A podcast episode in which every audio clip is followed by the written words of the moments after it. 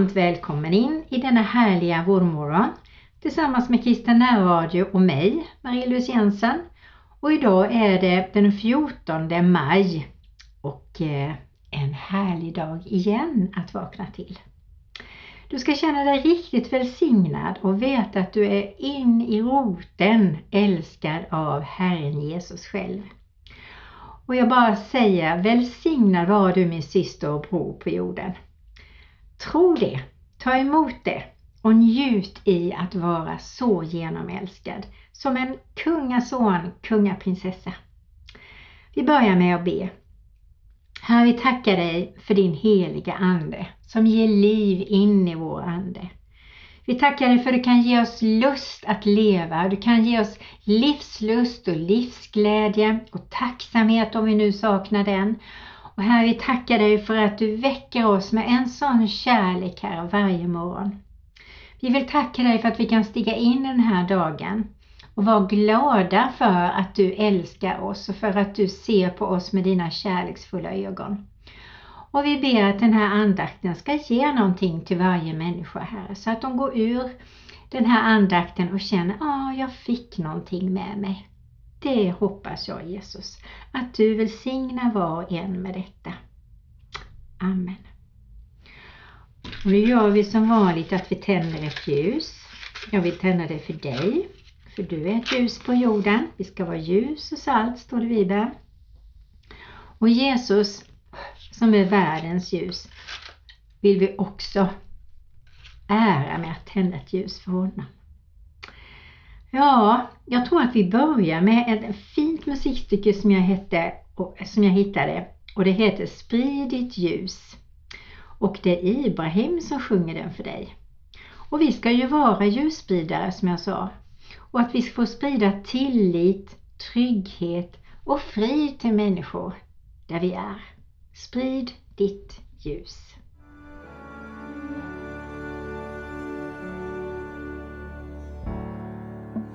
Det var den första natten.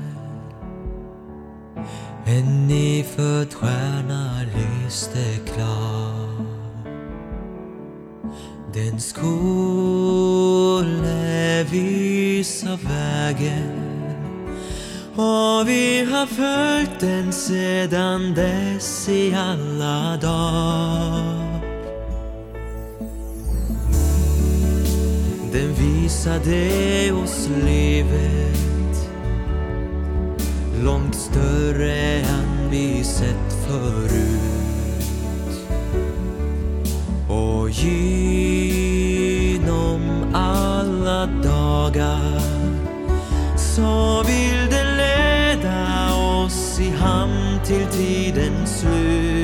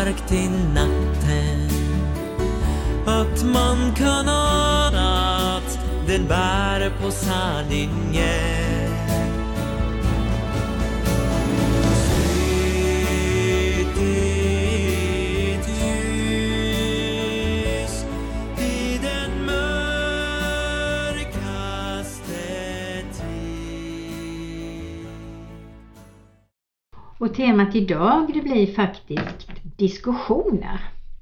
Ibland kan man komma in i diskussioner som man känner oj nej men nu blir det lite för eldigt här. Och det gör vi ju ibland och det är skönt att kunna diskutera med människor som har eh, en bra syn på vad diskussioner ska innebära. Och det är ju att vi vill att de ska vara fruktbärande, lärorika och att vi uppträder ödmjukt mot varandra, respekterar varandra. Och jag kan tycka det är underbart att sitta och diskutera med människor som, som gillar att diskutera också och där man känner att vi lär oss någonting av varandra. Det är utvecklande och man mognar i sådana diskussioner tycker jag. Och gärna med nya perspektiv. Och kanske till och med med människor som man aldrig har träffat förut, som man ser på saker och ting med helt andra ögon och har helt andra perspektiv och kunskaper som man själv saknar. Och lösningar som man själv har kanske stångats lite med men inte hittat. Och så har de det. Underbart! Och med dessa mogna människor vill man ju gärna vara med. Och man söker upp nya ämnen tillsammans med dem ofta. Och det är så kul! Och det är stimulerande, eller hur? Så då kan man ju fråga sig, vilka har du och jag att kunna diskutera så här öppet, varmt och utvecklande tillsammans med? Och är vi själva sådana personer som kan föra utvecklande samtal på en nivå som gör att det är njutbart? Det är en viktig fråga faktiskt. Kanske behöver vi slipa lite på det. Jag tror att vi behöver det. I alla fall har jag behövt och behöver det. Jag blir aldrig färdig med mig själv och Gud blir aldrig färdig med mig heller fast jag ber honom. I vilket fall så är det i alla fall en tankeställare tycker jag. Och det står i Bibeln om att fruktlösa diskussioner är av ondo. Eh, och fruktlös betyder ju att de är utan nytta, helt lönlösa, fåfänga, utsiktslösa. Det blir inget bra av dem. Och jag kommer ihåg en gång när jag satt i Kalmar med en kille, jag hade delat ut lite biblar från Gideoniterna och vi satt och pratade med varandra. Och rätt vad det så började han liksom hacka och diskutera och mala och nej, jag kände det här blir inget bra slut på vårt samtal. Så då sa jag det, nej men nu tycker jag att vi slutar här för det här blir ingen fruktbar diskussion. Och vad menar du då? sa han. Ja, då fick jag förklara för honom att jag känner att vi kommer inte längre nu. Det blir bara att vi blir eh, diskuterar för diskuterandets skull och det har jag ingen lust med. Då blev han arg vet jag och tänkte nej, nu gjorde jag nog någonting dumt i alla fall. Men jag satt kvar och så kom han tillbaka och sa han, ja men du jag har tänkt lite på det du sa. Och sen kom han med helt nya frågor. Så jag tänker det, det är också en vishet att kunna bryta och säga nej men nu stoppar vi här. Vi kommer inte längre här idag. Kanske hittar vi en annan tillfälle vi kan diskutera men just nu känns det som att vi stoppar här. Annars blir det inte bra. Och jag tycker det är modigt att kunna göra det. Och jag behöver lära mig det ännu mer tror jag i vissa sammanhang. Jag slog upp lite bibelställen och eh, såg att diskuter eh, lärjungarna diskuterade med varandra om olika saker. Och jag ska läsa lite bibelord här. Och i första Timoteusbrevet 6 och 2 så står det så här. Så ska du undervisa och förmana. Den som lär annorlunda och inte håller sig till vår Herre Jesu Kristus sunda ord och till det som vår religion lär. Han är förblindad och okunnig med en sjuklig lust att diskutera och träta. Sådant leder till avund, strider, förtal, misstänkliggörande och ständiga bråk ibland människor som har mist förståndet och tappat bort sanningen och som anser att religion ska löna sig. Och visst ger religionen god lön om man nöjer sig med det nödvändiga. För tomhänta kom vi till världen och tomhänta ska vi gå ur den. Och då tänker jag det att det står just här att man blir förblindad, alltså man kan komma in i en diskussion som liksom aldrig tar slut på något sätt. Nästa bibelord handlar om Stefanos i Apostlagärningarna 6. Stefanos var fylld av nåd och kraft och gjorde stora under och tecken bland folket. Då uppträdde några medlemmar i den synagoga som kallas de frigivnas eh, och började diskutera med Stefanos. Men de kunde inte hävda sig mot visdomen och anden i det han sa. Och det tycker jag är så fint. Vi behöver be om mycket vishet och att Guds heliga Ande talar genom oss när vi kommer i diskussioner så att det blir på nivå som ärar Jesus, tänker jag. Och så läser jag Lukas evangeliet 24 om när lärjungarna gick från graven. Och då står det att de gick och diskuterade med varandra om allt som hade hänt. Men de samtalade och medan de samtalade och diskuterade närmade sig Jesus själv och vandrade med dem. Men deras ögon var slutna så att de inte kände igen honom och han frågade dem, vad är det ni går och samtalar med varandra om? Och då tänker jag så att Jesus går ju med oss också, var vi än är. Han bor i våra hjärtan. Om vi har bjudit in honom så är han med oss hela tiden. Och jag tror att Jesus vill vara med i diskussioner. Särskilt om vi kommer till korta eller vi kommer i en situation när vi känner, uh, hur gör jag nu? Och så ber vi tyst till Jesus. Hur ska jag uppträda nu? Hur gör jag nu Jesus? Och han har alltid svar. Och ibland kan man komma i situationer när man pratar med människor som går in för det här med new age eller de håller på med andra grejer. Och då kan det bli rätt så tuffa diskussioner. Men då står det så här i första Timoteusbrevet 6 och 4 så står det så här.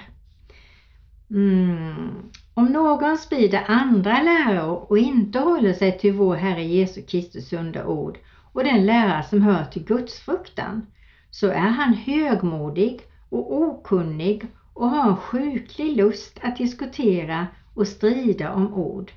Sådant leder till avund, bråk, förtal, missgärningar och ständiga strider mellan människor med fördärvat sinne som har tappat bort sanningen när de menar att gudsfruktan ska ske med vinst.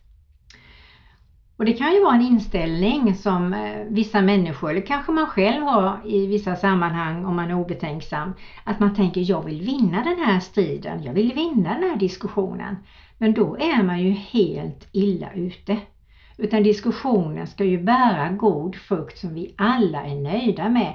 Vi har lärt oss av, vi känner frid i och utvecklats av. Eller hur?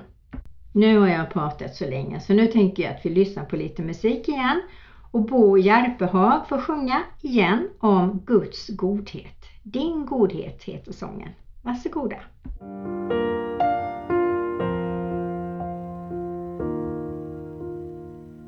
Jag älskar dig För din nåd ska aldrig svika Alla dagar är jag buren i din hand? Från den stunden när jag vaknar tills jag lägger mig igen vill jag sjunga om din godhet,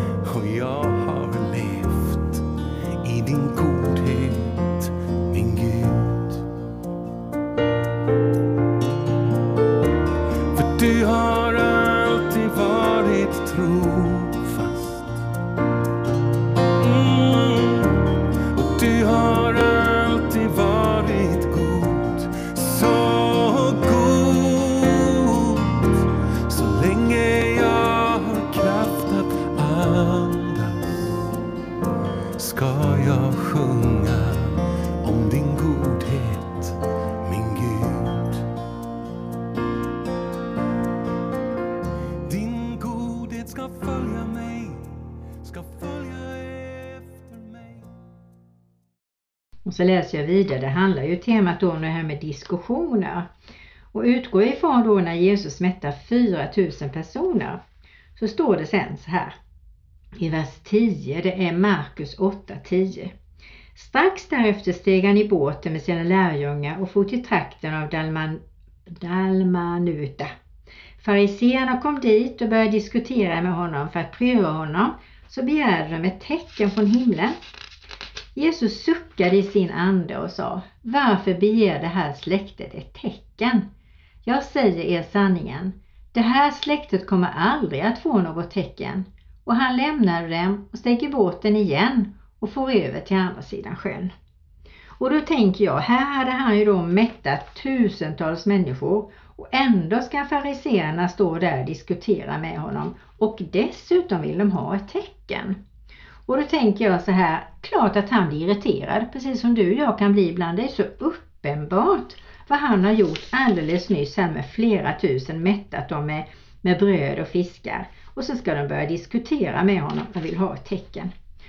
Och eh, då tänker jag att vi får bara välja och tro det vi ser. Gud har gjort så mycket i naturen, i skapelsen. Människor vittnar om att han har helat, han har upprättat, han har välsignat människor, han har helat relationer. Han har gjort så mycket och gör idag också. Och ändå vill människor se tecken. Så är det faktiskt idag också. Ja, men jag vill se ett tecken kan de säga. Ja, men då får vi bjuda in Jesus i ditt liv och börja hitta en relation med honom så kommer du att få se tecken, säger jag då. Och jag tror att det är viktigt att man i sådana här situationer säger nej men nu pausar vi. Vi kommer inte längre nu. Och så får vi be om vishet. Det tror jag vi ska göra varenda dag faktiskt för det behövs sannerligen vishet i vårt samhälle och i våra liv. Eh, och det finns ju ett ordspråk som heter att tala är silver och tiga är guld. Och det betyder ju att vi behöver lyssna men också att svara på ett visligt sätt. Och ibland när man ger situationer så behöver vi faktiskt be i tunga eller be tyst Gode Gud hjälp mig, hur ska jag göra i detta fallet? Och eh, jag har några bibelställen om just vishet som jag ska läsa.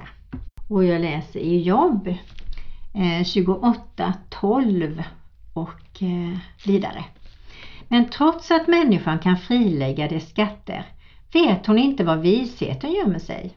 Hon inser inte dess oskattbara värde och förstår inte att den kan sökas bland människor. Här finns den inte, säger han. Och sjöarna svarar, inte här finns den heller.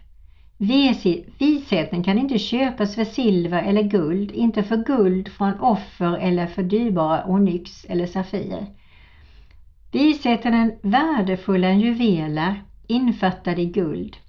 Korall och kristall kan inte nämnas som jämförelse. Den är mer värd än rubiner. Topaz från Etiopien kan inte betala den och inte heller den allra renaste guld.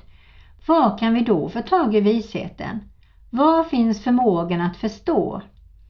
Den är gömd för allt levande. Inte ens den mest skarpögda fågel i skyn kan upptäcka den. Döden och dödsriket har hört ryktas om den. Bara Gud vet var den finns och bara han kan visa vägen.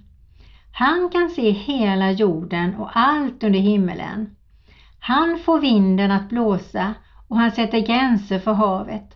Han ger regnet dess lagar och visar blixten dess väg. Han vet var visheten finns. Han har granskat den och noga utforskat den och han säger till människan, lyssna. Att frukta Herren är sann vishet och att fly det onda är sant förstånd. Så dessa. Och sen det här med att försöka hålla en mild samtalston. Och då hittade jag ett jättefint musikstycke av Bo Järpehag igen som heter Milda ord.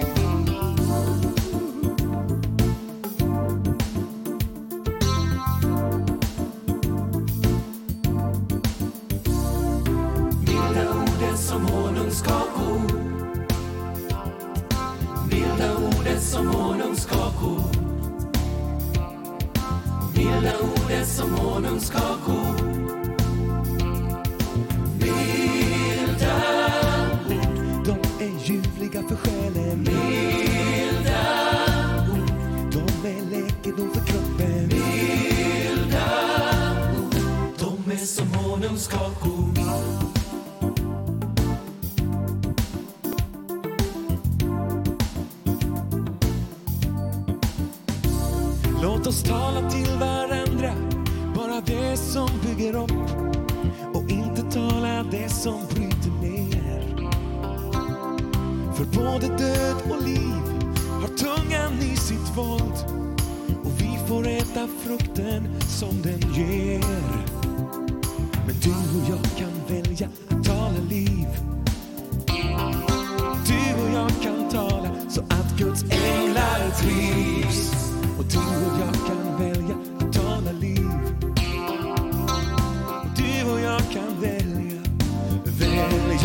tala. Milda ord är som honungskakor. De är som honungskakor. Milda ord är som honungskakor. Milda ord är som honungskakor.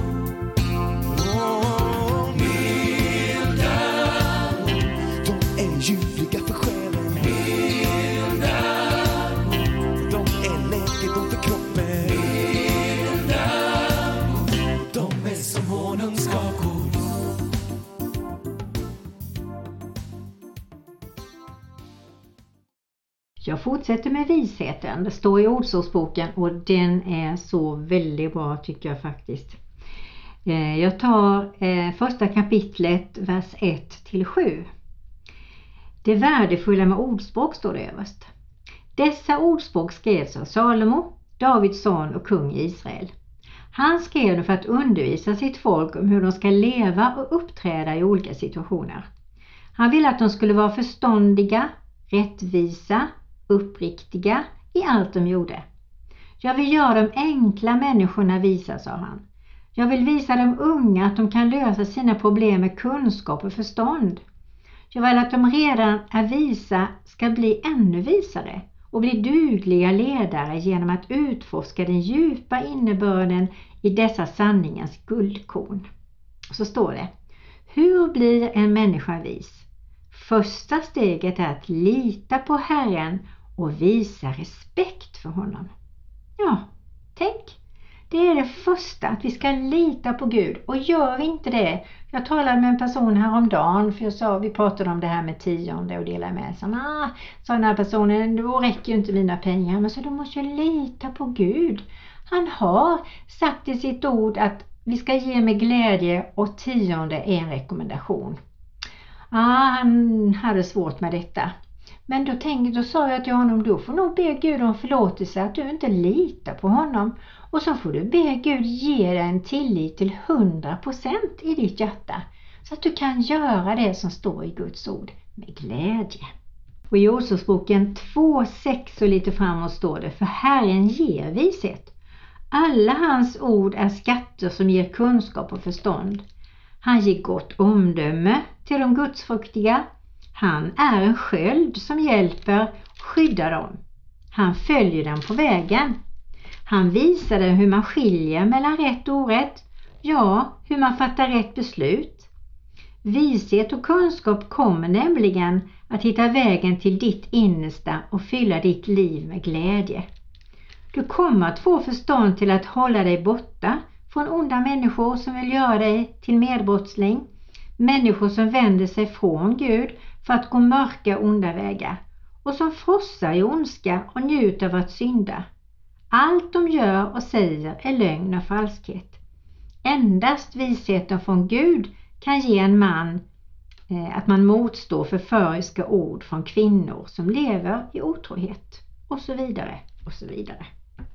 Och så står det så här i den här bibeln som jag har som heter Handkraft, Handbok för livet heter den.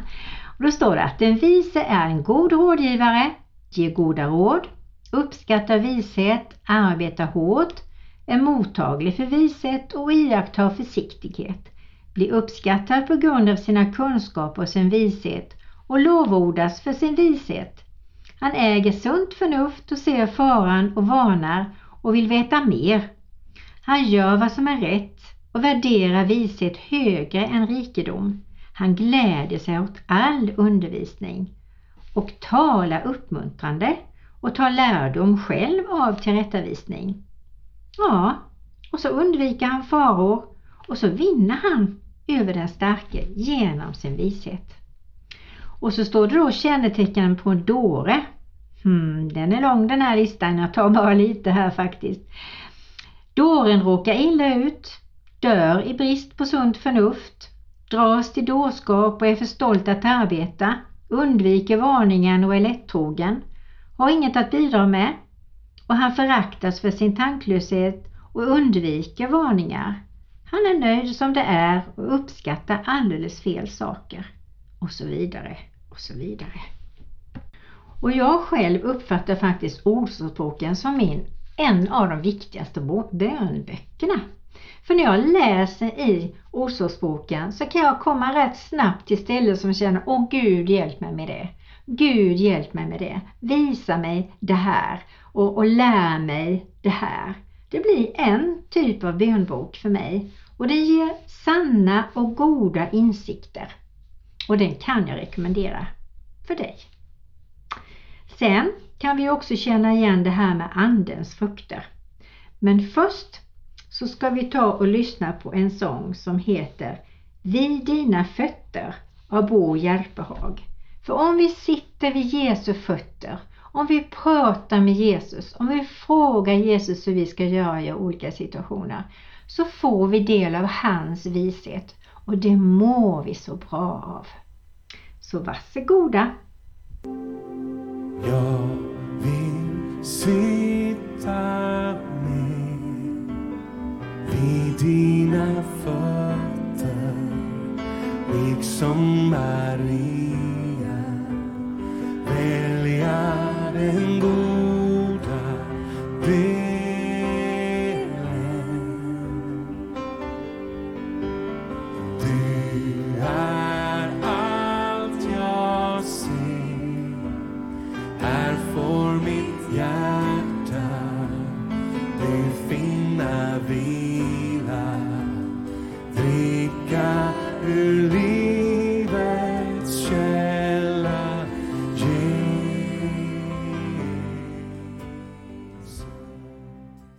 kan vi lyssna på Galaterbrevet 5, 22 23 så står det så här och då handlar det om andens frukter och det är de som vi vill ha vi kristna. Vi lyckas långt ifrån alltid men det är en strävan.